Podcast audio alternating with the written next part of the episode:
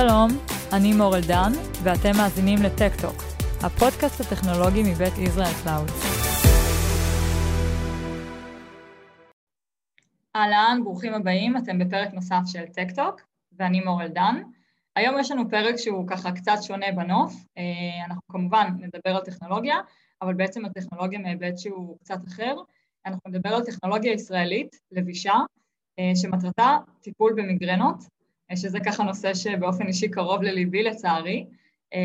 המרואיין שלנו היום יהיה אלון עירוני, אלון הוא בעצם מנכ"ל טרניקה, אז אלון, קודם כל אני שמחה לארח אותך.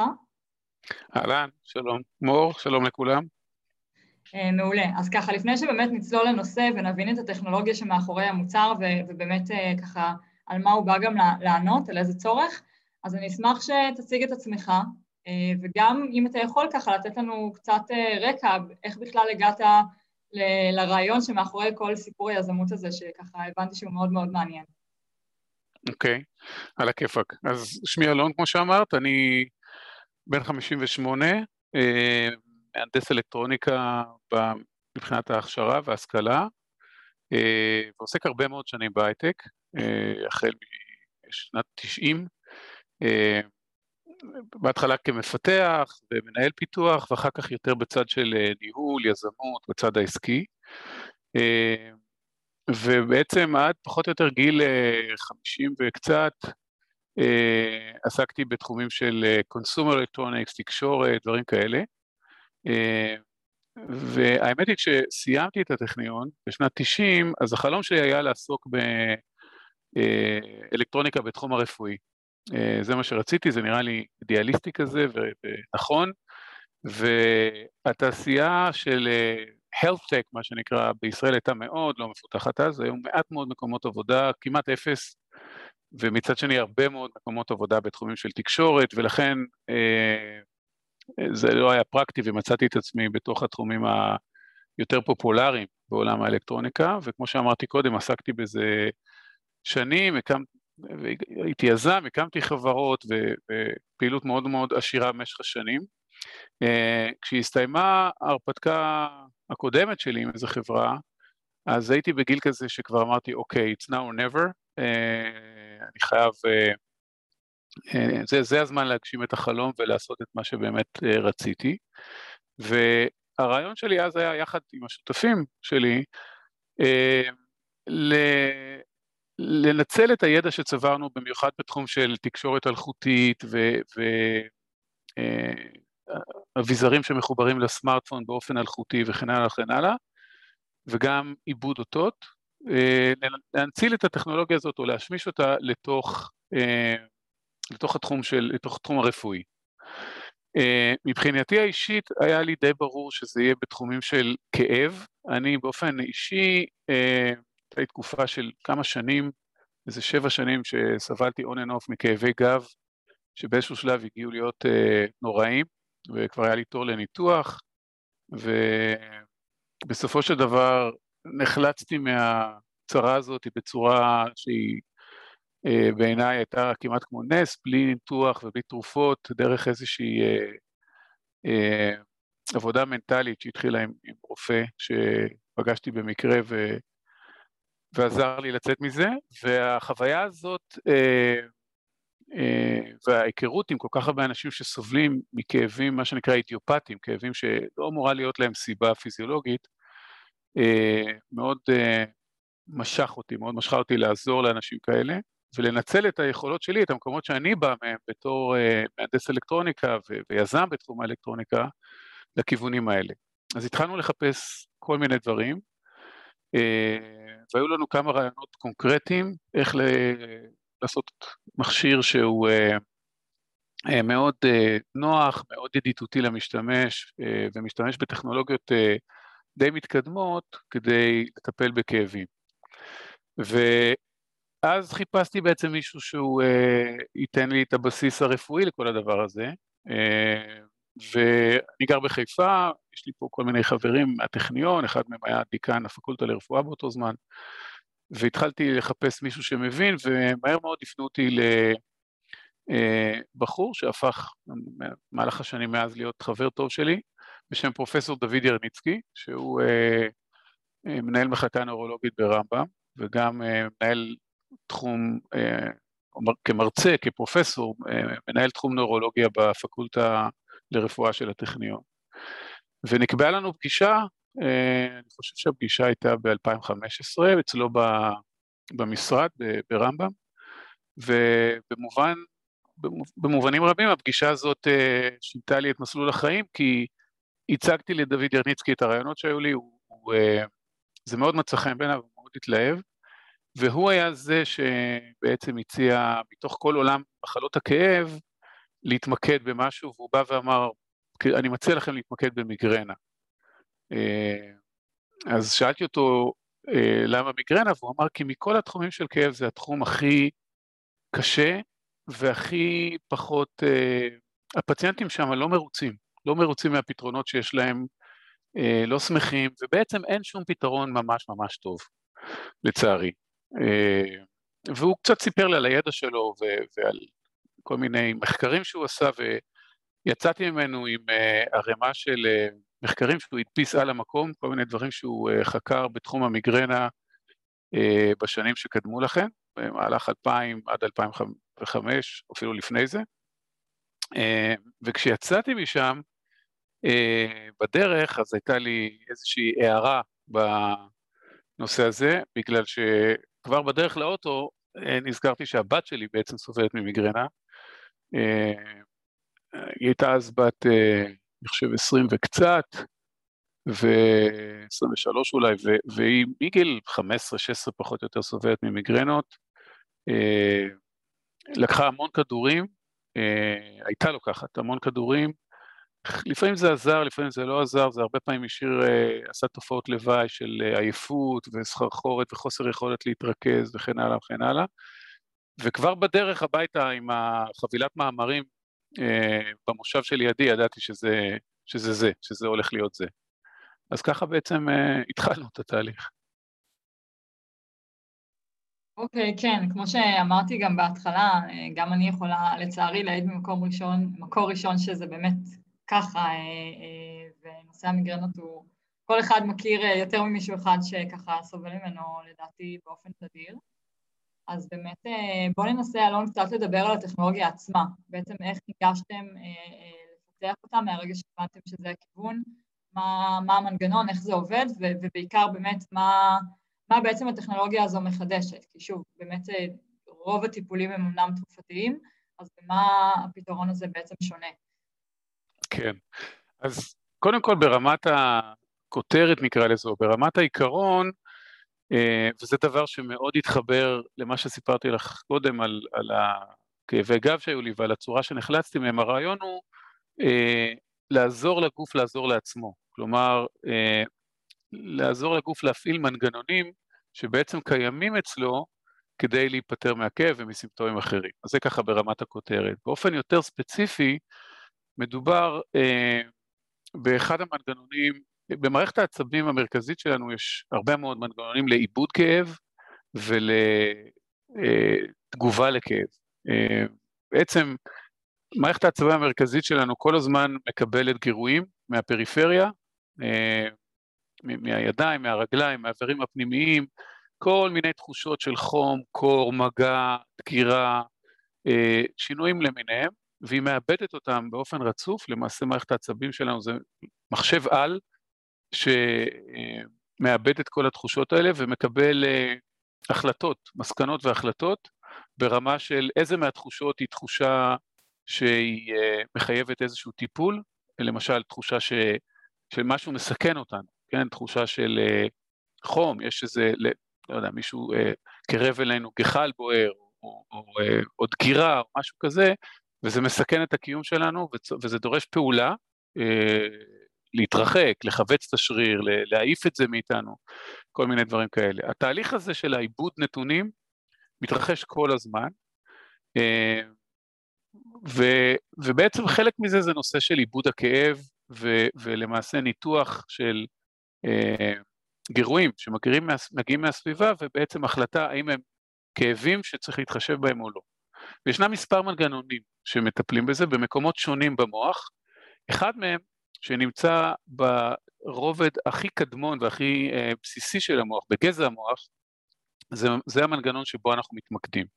זה מנגנון שנקרא Condition Pain Modulation, CPM, זה שם שפרופסור ירניצקי עצמו בעצם נתן לו, והוא אה, התקבע במדע כשם שכולם משתמשים בו.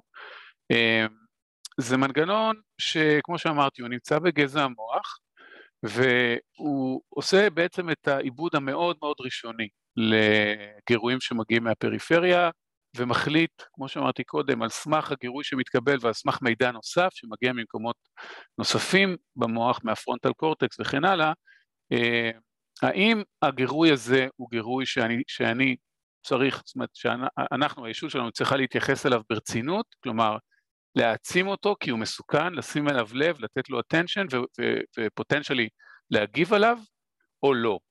אם לא, אם זה גירוי שהוא לא מסוכן ולא חשוב, אה, אז לא צריך אותו, ואם לא צריך אותו אז אפשר לכבות אותו. עכשיו, המנגנון הזה, ה-CPM, יש לו את הכלים, אם הוא מגיע להחלטה, אה, להחלטה נגטיבית, מה שנקרא, להחלטה שזה לא כאב חשוב, יש לו את הכלים על ידי סדרה של תהליכים ביוכימיים, למעשה שחרור של נוירוטרנסמיטרים, אה, לכבות את, ה, את הגירוי.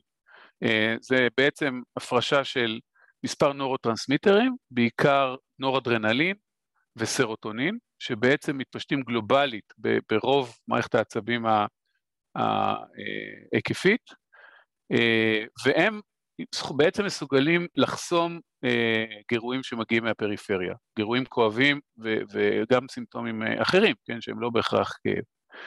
וזה מנגנון שעובד באופן עצמוני, והוא נמצא אצלנו הוא התפתח תוך כדי האבולוציה והוא בעצם מאפשר לנו לתפקד באופן יומיומי גם כאשר מגיעים אלינו כל מיני גירויים, נקרא לזה לא נעימים.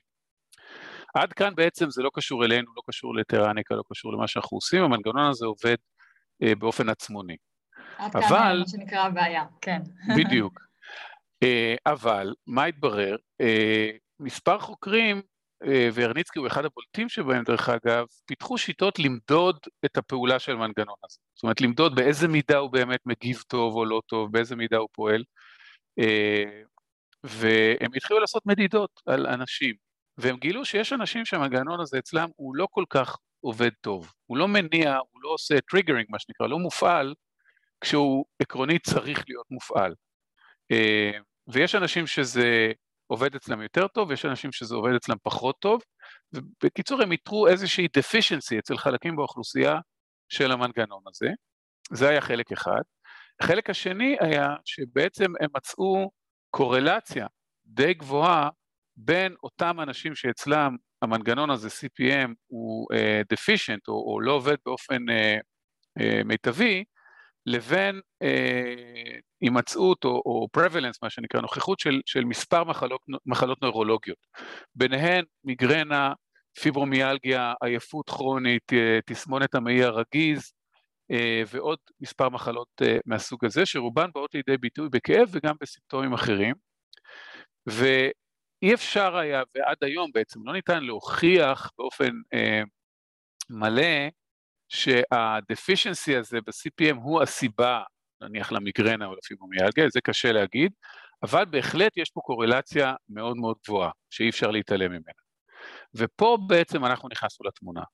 מה שאנחנו אה, אה, עשינו, וזה גם מתבסס על, על מספר מחקרים שעשו אותם חוקרים, אה, אנחנו פיתחנו מכשיר שהוא מספק גירוי אה, אחר, גירוי נוסף, מלאכותי כמובן, אנחנו קוראים לו גירוי שניוני או, או גירוי מותנה, והוא אה, מתבסס על העובדה שלעיתים כאשר הגירוי הראשוני, הכאב, אה, נכשל בלהפעיל את אותו מנגנון של ה-CPM, יש, בתנאים מסוימים יש סיכוי טוב שגירוי שניוני אחר יכול כן להפעיל את זה. עכשיו, היות שהמנגנון הזה הוא מנגנון גלובלי, היות שאותם נורוטרנסמיטרים שתיארתי קודם אה, מתפשטים באופן גלובלי בכל מערכת העצבים או ברוב מערכת העצבים, אזי בעצם אם הגירוי השניוני הצליח לעורר את ה-CPM, התוצאה תהיה מורגשת גם כלפי הגירוי הראשוני. כלומר, הביטול של הכאב יהיה ביטול גם אה, נכון או, או, או יעיל גם לכאב הראשוני. וזה בעצם העיקרון ש, שהלכנו עליו. עכשיו, ישנם כמה תנאים כדי שהדבר הזה יצליח, זה לא פשוט. התנאי הראשון הוא שהמיקום של הגירוי השניוני בגוף יהיה מרוחק מהמיקום של הגירוי הראשוני. למה? כי הגירוי הראשוני נכשל, ואם יבוא גירוי מאותו מקום, אז סביר שזה בעצם ימשיך את אותו כישלון. גירוי שבא ממקום אחר, מרוחק מהמקום הראשון, הקודם, יש לו סיכוי טוב בעצם אה, כן להצליח. אז זה התנאי הראשון, שזה יהיה מרוחק, אם אנחנו למשל מדברים על מיגרנה, הכאבים במיגרנה הם בדרך כלל בראש, במה שנקרא בחלק, במצח, בפנים, לפעמים מאחורי הראש, אה, או ב-trigeminal nerve, או במה שנקרא occipital part של החלק האוקסיפיטלי של הגולגולת, אבל זה בדרך כלל בראש, אז זה אומר שזה צריך להיות רחוק מהראש, זה דבר ראשון. דבר שני, הגירוי השניוני הזה צריך להיות חזק, הוא צריך להיות משמעותי, אם הוא לא חזק אז הוא לא, הוא לא מצליח לעשות את ההתנעה של ה-CPM. עכשיו גירוי חזק זה בעייתי, כי אם הוא חזק אז הוא יכול להיות כואב, ואם הוא כואב אז, אז אה, א', זה לא נעים למטופל ואי אפשר לעשות טיפול שהוא, שהוא לא טולרבילי, שהוא בלתי נסבל על ידי המטופל, וגם אם הוא חזק מדי הוא עלול להתפרש על ידי, אה, על ידי אותם מנגנונים בגזע המוח בתור משהו מסוכן, ואז להפך, זה יעצים את התגובה. אה, ופה אנחנו בעצם אה, השקענו זמן ועבודה בפיתוח של אה, אות חשמלי כזה שהוא באופן סטטיסטי מצד אחד מגרה או מגייס, מה שנקרא, אה, עצבים מסוג שאחראים על הולכה של כאב, בעיקר אה, nerve מסוג של A דלתא, אה, אבל מצד שני, בעוצמה חזקה, כלומר חזקה מבחינת האנרגיה החשמלית, אבל מצד שני זה מתחת לסף הכאב, כלומר זה לא מתפרש על ידי הפציינט בתור משהו כואב, וזה אה, בעצם הנוסחה להצלחה. אה, אחר כך גם היה את העניין של איפה בדיוק לשים את זה בגוף, כי רחוק מהראש זה עדיין, יש לנו הרבה מאוד מקומות על הגוף שאפשר לשים, ו, אה, ויש כל מיני תנאים נוספים שצריכים להתקיים. כלומר, אחד, קודם כל המקום צריך להיות מקום כזה ש... אה, יש בו יחסית אה, מיעוט של שכבות שומן ושריר, כי אז רוב האנרגיה החשמלית בעצם מתבזבזת לחדור אותם.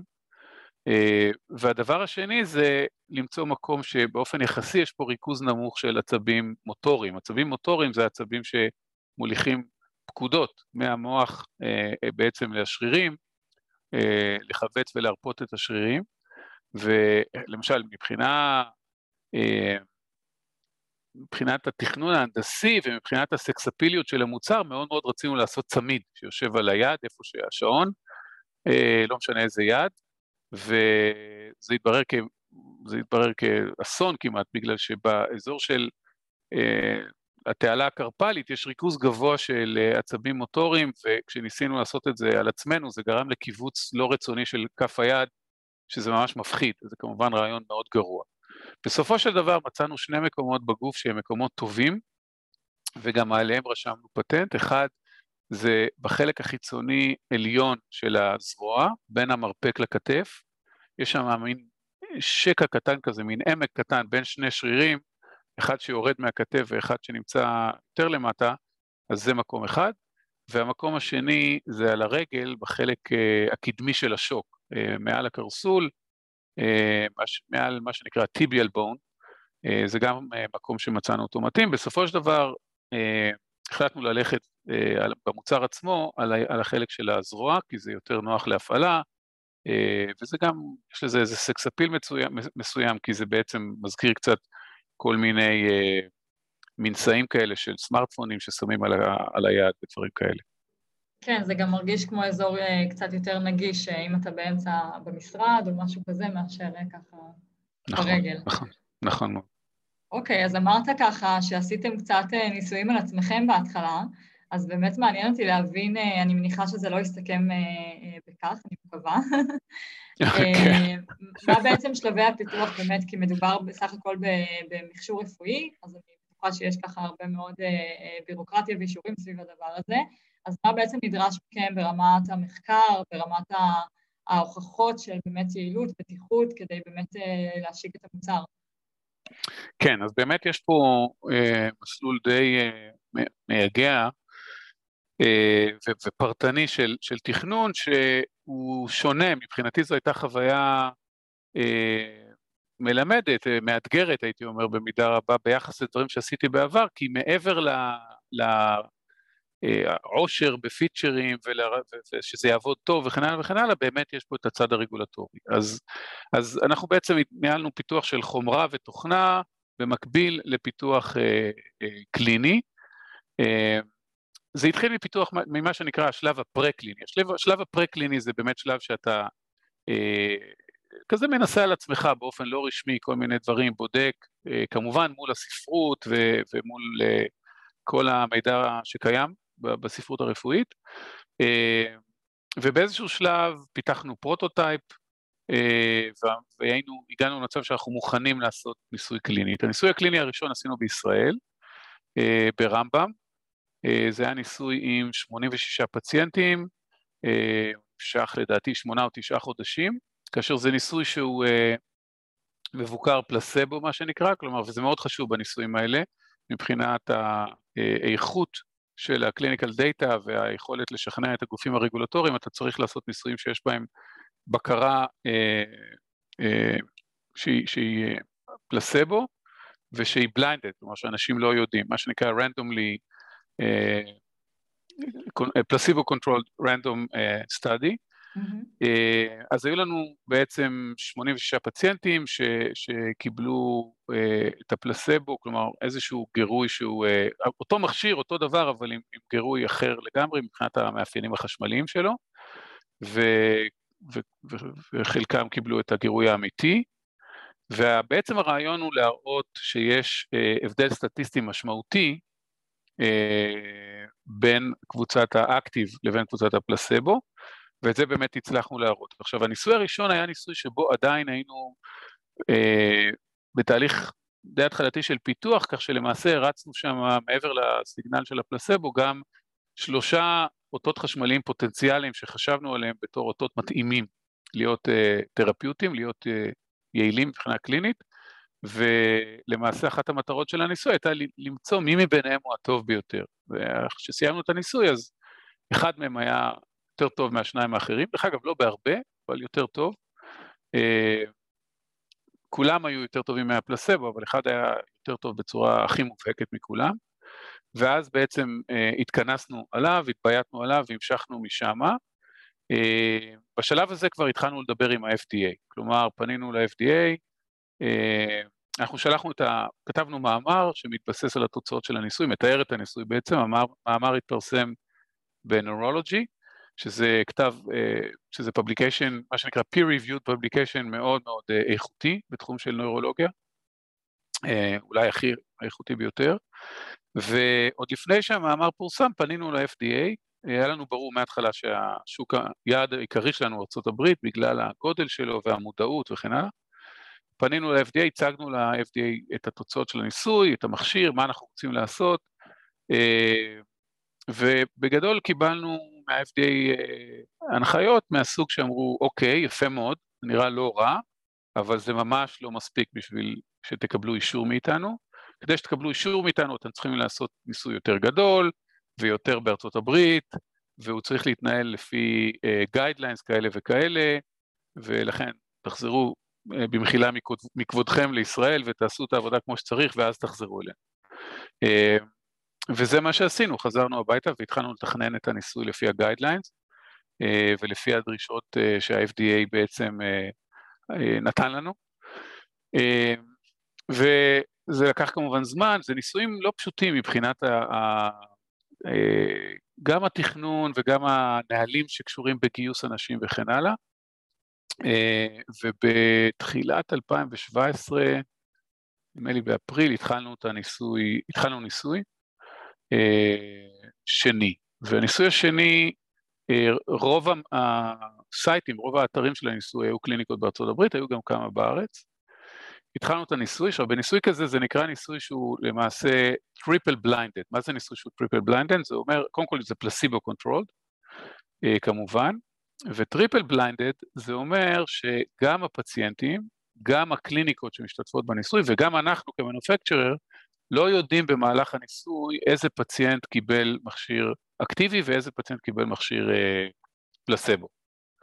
אה, והניסוי התחיל, הגדרנו, בדרך כלל מקובל בניסויים כאלה להגדיר איזשהו אה, נקודת ביניים, נקודת בוחן כזאת, קוראים לזה interim analysis, שבה ישנה ועדה חיצונית שפותחת את התוצאות עד, עד לאותו רגע, מסתכלת עליהם ונותנת לחברה איזושהי אינדיקציה כללית, לא ממש מספרים, אבל נותנת להם כיוון, האם הכיוון הוא טוב או לא, אה, ולמרבה אה, אסוננו וצערנו, אה, עשינו אינטרם אנליזיס והוועדה החיצונית נתנה לנו אות לא טוב, אמרה לנו, תקשיבו, זה בכלל לא הולך בכיוון שאתם רוצים, כדאי לכם לעצור את הניסוי. וואו. כן, וזה חלק שאני רוצה להדגיש אותו, ש, ש... זה חלק, זה כמובן לא כיף, כן? בוא, אתה עובד, משקיע הרבה כסף, אנחנו היינו אה, בדיוק אחרי גיוס של הרבה כסף. אה, אני לא אשכח את היום הזה ש, שהיה לנו ישיבת בורד ואני ככה נכנס לחדר וצריך להגיד למשקיעים, אוקיי חבר'ה, זה לא ממש מצליח הניסוי. זה רגעים מחשלים מה שנקרא, בחיים צריך לדעת איך, איך לקחת אותם. לשמחתי המשקיעים שלנו קיבלו את זה בצורה בוגרת וחזקה, אף אחד לא שמח על זה, אבל הם אמרו, אוקיי, אז בואו נתקן מה שצריך ונמשיך הלאה. וזה חלק מאוד חשוב, ב, אני חושב, בחיים בכלל, דרך אגב, וגם בפיתוח של מכשירים רפואיים וכן הלאה. בכלל, ישבנו... בכל מה שקשור למיזמים ומיזמים טכנולוגיים בפרט, אני חושבת שזאת נקודה מאוד משמעותית. לגמרי, לגמרי. ו, ואז עשינו אנליזה, וראינו שבעצם מה שקרה בניסוי זה שהפציינטים לא מילאו את ההוראות, זה דבר ראשון. אה, וכלומר, מה זה לא מילאו את? למשל, אחד הדברים שבהוראות אמרו להם להפעיל את המכשיר אה, תוך שעה מרגע שמופיעים הסימפטומים, וחלקם הגדול לא עשו ככה, חיכו שלוש, ארבע, חמש שעות, ואז היכולת כבר להשפיע על המיגרנה, בוא נגיד ההבדל בין ה-device האקטיבי לפלסבו הוא כבר די קטן. או למשל, דבר מאוד מאוד בסיסי, זה שאמרו לפציינטים בהוראות, או אנחנו אמרנו להם דרך, ה, דרך הקליניקות שגייסו אותם, לא להשתמש בתרופות. בזמן שיש לך מיגרנה בניסוי, אתה צריך לקחת רק את המכשיר, כי אחרת, אם השתמשת בתרופה, אז לא יודעים מה השפיע. ויותר מזה, לפי הכללים של ניסויים מהסוג הזה, גם הכללים של ה-FDA, כל טיפול שבו פציינט לקח תרופה, זה נחשב כישלון של המכשיר. אה, וראינו ש-30 ומשהו אחוז מהאנשים לקחו תרופות. כי ההוראה הזאת הוצגה להם בתור המלצה כזה, תשמעו, אה, כדאי שלא תיקחו תרופות. אה, והיו עוד כמה ליקויים ש... אה, גילינו למשל שאחד החוקרים בארצות הברית פרסם, הוא בעצם פנה לטלוויזיה בקונטיקט, לאיזה רשת טלוויזיה מקומית, ופרסם שהקליניקה שלו עושה ניסוי באיזה דיווייס גאוני מישראל, משהו בקדמת ההייטק שעושה פלאים במיגרנה וכן הלאה, ואז הפציינטים נהרו בהמוניהם, כמו שאומרים, לניסוי, כולם אה, אה, מה שנקרא מלאים באפקט פלסבו, כי הנה הרופא המפורסם אמר בטלוויזיה שזה גאוני וכן הלאה וכן הלאה, וזה כמובן מגדיל מאוד את אפקט הפלסבו. כל מיני שטויות שכשאני אסתכל עליהן היום אחורה אז אני ככה די, די אה, מתבייש, אבל זה מה שהיה. קיצור, אספנו את עצמנו, תיקנו, אני זוכר שעשינו אה, סדרה של ישיבות שבאנו עם רשימה של 74 דברים שצריך לתקן, אה, בנינו אה, פרוטוקול חדש, פנינו שוב ל-FDA ואמרנו אה, ל-FDA, תקשיבו, זה הניסוי שאנחנו הולכים לעשות עכשיו, אלה הפרטים, האם זה נראה לכם מתאים? וזה נקרא pre-submission meeting, זו פגישה כזאת שנסענו לוושינגטון אה, באיזה סופת שלגים מטורפת, ישבנו שעה עם ה-FDA ובסופו של דבר הם אמרו, אה, כן, זה מה שאתם צריכים לעשות, תצליחו, ניפגש עם התוצאות, ביי. ואז התחלנו את הניסוי, שהוא בעצם השלישי כבר, זה היה כבר בתחילת 2018, ובניגוד לניסוי הקודם, הניסוי הזה הצליח בענק. הוא, הוא נמשך עד אוקטובר, באוקטובר סיימנו אותו, 252 פציינטים, רובם בארצות הברית, חלקם הקטן בישראל. אה, באוקטובר פתחנו תוצאות, וקפצנו משמחה. התוצאות היו אה, הרבה יותר טובות מהמצופה, הבדל עצום בין האקטיבי לפלסבו, לטובת האקטיבי כמובן, אה, ובעצם הצגנו את התוצאות, כתבנו מאמר, הגשנו ל-FDA, וכמה חודשים אחרי זה, שוב, זה, שום דבר לא הולך קל עם ה-FDA, אתה צריך להראות כל מיני בדיקות שעשית על המוצר ברמה של ביו-קומפטביליטי, שהחומרים לא גורמים לגירוי בעור, ואין ספור דברים שקשורים לחומרה ולתוכנה, אה, אבל בסופו של דבר קיבלנו את האישור של ה-FDA אה, במאי 2019. אה, משם כמובן עשינו עוד ניסויים כבר שהרחיבו את האינדיקציה של ה-FDA, למשל ממבוגרים לילדים ועוד כל מיני דברים. מהסוג הזה, אבל אין ספק שהאישור הראשוני מה-FDA הוא, ה, הוא בעצם ה-game changer פה מבחינת החברה. כן. טוב, זו, זו חתיכת סיפור אה, קודם כל מאוד מעניין, וגם ככה היה קצת דרמטי, אה, אז אני שמחה שהסוף טוב. ועכשיו השאלה אולי המתבקשת, בעצם מה, איפה זה עומד היום? אם אני רוצה לבוא ולקנות את המוצר, איך זה עובד, אה, צריך מרשם, לא צריך מרשם, אה, גם בארץ, גם בעצם אני מניחה בארצות הברית, אה, אם זה מאושר FDA. כן, אז המוצר הוא באמת היום אבלבילי, הוא זמין לפציינטים בשתי מדינות, בארצות הברית ובישראל. בשתי המדינות הוא מחייב מרשם, מרשם של כל רופא, זה לא חייב להיות נוירולוג או רופא מומחה, זה יכול להיות אפילו רופא משפחה או כל, כל רופא לצורך העניין.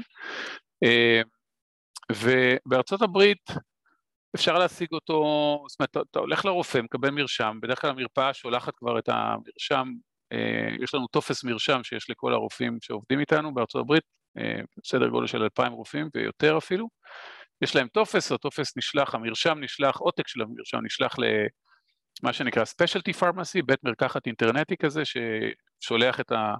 מקבל את המרשם, שולח את המכשיר אה, אה, לפציינט, כלומר הוא מתקשר עם הפציינט, עושה את הגבייה ושולח לו את המכשיר אה, הביתה. יש לנו גם בארצות הברית פלטפורמה ש... של חברה שותפה, ש... שעליה בעצם בנינו מערכת טלמדיסין, שפציינטים יכולים להשיג את המרשם בייעוץ רפואי מרחוק עם רופא, כלומר הם נכנסים דרך האינטרנט, מגיעים ל, ל, עונים, עולים על, עונים על שאלון, ואז בעצם בחלק מהמדינות בארצות הברית אפילו על סמך השאלון לבדו, במדינות אחרות אחרי ראיון עם רופא בעקבות השאלון, הם יכולים לקבל מרשם, ושוב, באופן, מרשם הולך לבית מרקחת האינטרנטי והם מקבלים את המכשיר הביתה. אה, אז זה בארצות הברית, אה, וכן, יש לנו כבר בארצות הברית אה, משהו כמו 15 אלף או יותר מ-15 אלף לקוחות, וזה גדל כל יום, וזה בהחלט מרגש, יש פידבקים מרגשים ממש מצד חלק מהלקוחות, יש אנשים ש... ששולחו לנו פידבקים גם, שזה, שניסו הכל כבר, שנים, ניסו את כל התרופות ואת כל הדברים ושום דבר לא עזר להם והמכשיר הזה שינה להם את החיים ברמה הזאת, אנשים אה, מסוימים מתארים את זה כנס או כ-life changing event וכן הלאה, וזה ממש מרגש. אה, בפעמים אה, הראשונות ש, שככה נחשפתי ל... לטסטימוניאז האלה, אני בחלק מהמקרים ממש הגעתי לדמעות, אני חייב להגיד. איזה כיף. Uh, בישראל המכשיר uh, זמין, בישראל בעצם אנחנו uh, חתמנו על הסכם מסחרי עם חברת מדיסון, שהם בעצם המפיץ הבלעדי של המכשיר בישראל. יש להם פה צוות מאוד חזק, מאוד יעיל. הם הקדישו כמעט שנה לעבודת שטח שקטה מול רופאים, הם פנו לכל הנוירולוגים בארץ ולאיזה אלף רופאי משפחה עד היום, אה, ולפני כחודשיים בערך הם התחילו ככה בשיווק אה, ממש לקהל הרחב. אה, יש להם אתר אינטרנט שאפשר דרכו בעצם לבקש להזמין את המכשיר, אבל גם כאן זה מחייב מרשם. עכשיו, גם פה בישראל המרשם יכול להינתן על ידי כל רופא. יש רופאים שהם כבר צברו הרבה מאוד ניסיון עם הנריביו והם רופאים מומחים ומדיסון יכולה להפנות אליהם, אבל בעיקרון כל רופא משפחה אה, יכול לרשום את המרשם, ואז בעצם אה, המרשם עובר, אה, או שהרופא מעביר אותו, או שהפציינט מעביר אותו למדיסון, ומדיסון שולחת את המכשיר לבית של הפציינט. אה, וזה באמת אה, גם כאן מרגש, יש לנו כבר כמה וכמה פציינטים בישראל, זה... אה, מיגרנה היא, היא מחלה נפוצה בשיעור של בערך 12% מהאוכלוסייה, 12% מהאוכלוסייה, בעיקר נשים, אה, ואני חושב שמדיסון עושה עבודה טובה, ישראל היא, אם אני משווה את ישראל כיום נניח למדינות בסדר גודל דומה מבחינת האוכלוסייה בארצות הברית, כמו נניח קונטיקט או אני יודע, ניו ג'רזי, אז המכירות פה בישראל הן אפילו קצת יותר גדולות מאשר מדינות בעלות אוכלוסייה דומה. כמובן, יש מדינות בארצות הברית כמו קליפורניה, ניו יורק, טקסס, ששם המכירות הן הרבה יותר גדולות, אבל מה שנקרא per population, ישראל היא בהחלט סיפור מוצלח עד כה. יופי, כיף לשמוע. באמת סיפור די מרגש, כי שוב, יש פה באמת מוצר שבסוף אני מאמינה משפר איכות חיים של הרבה מאוד אנשים. נכון. יופי. טוב, אז אלון, תודה רבה שבאת ושיתפת ככה את כל הסיפור, כולל ה... מה שנקרא אתגרים בדרך, ועד ההצלחה. תודה לך, מור, ותודה למאזינים. כן, תודה שהקשבתם, ונשתמע בפרק הבא. ביי.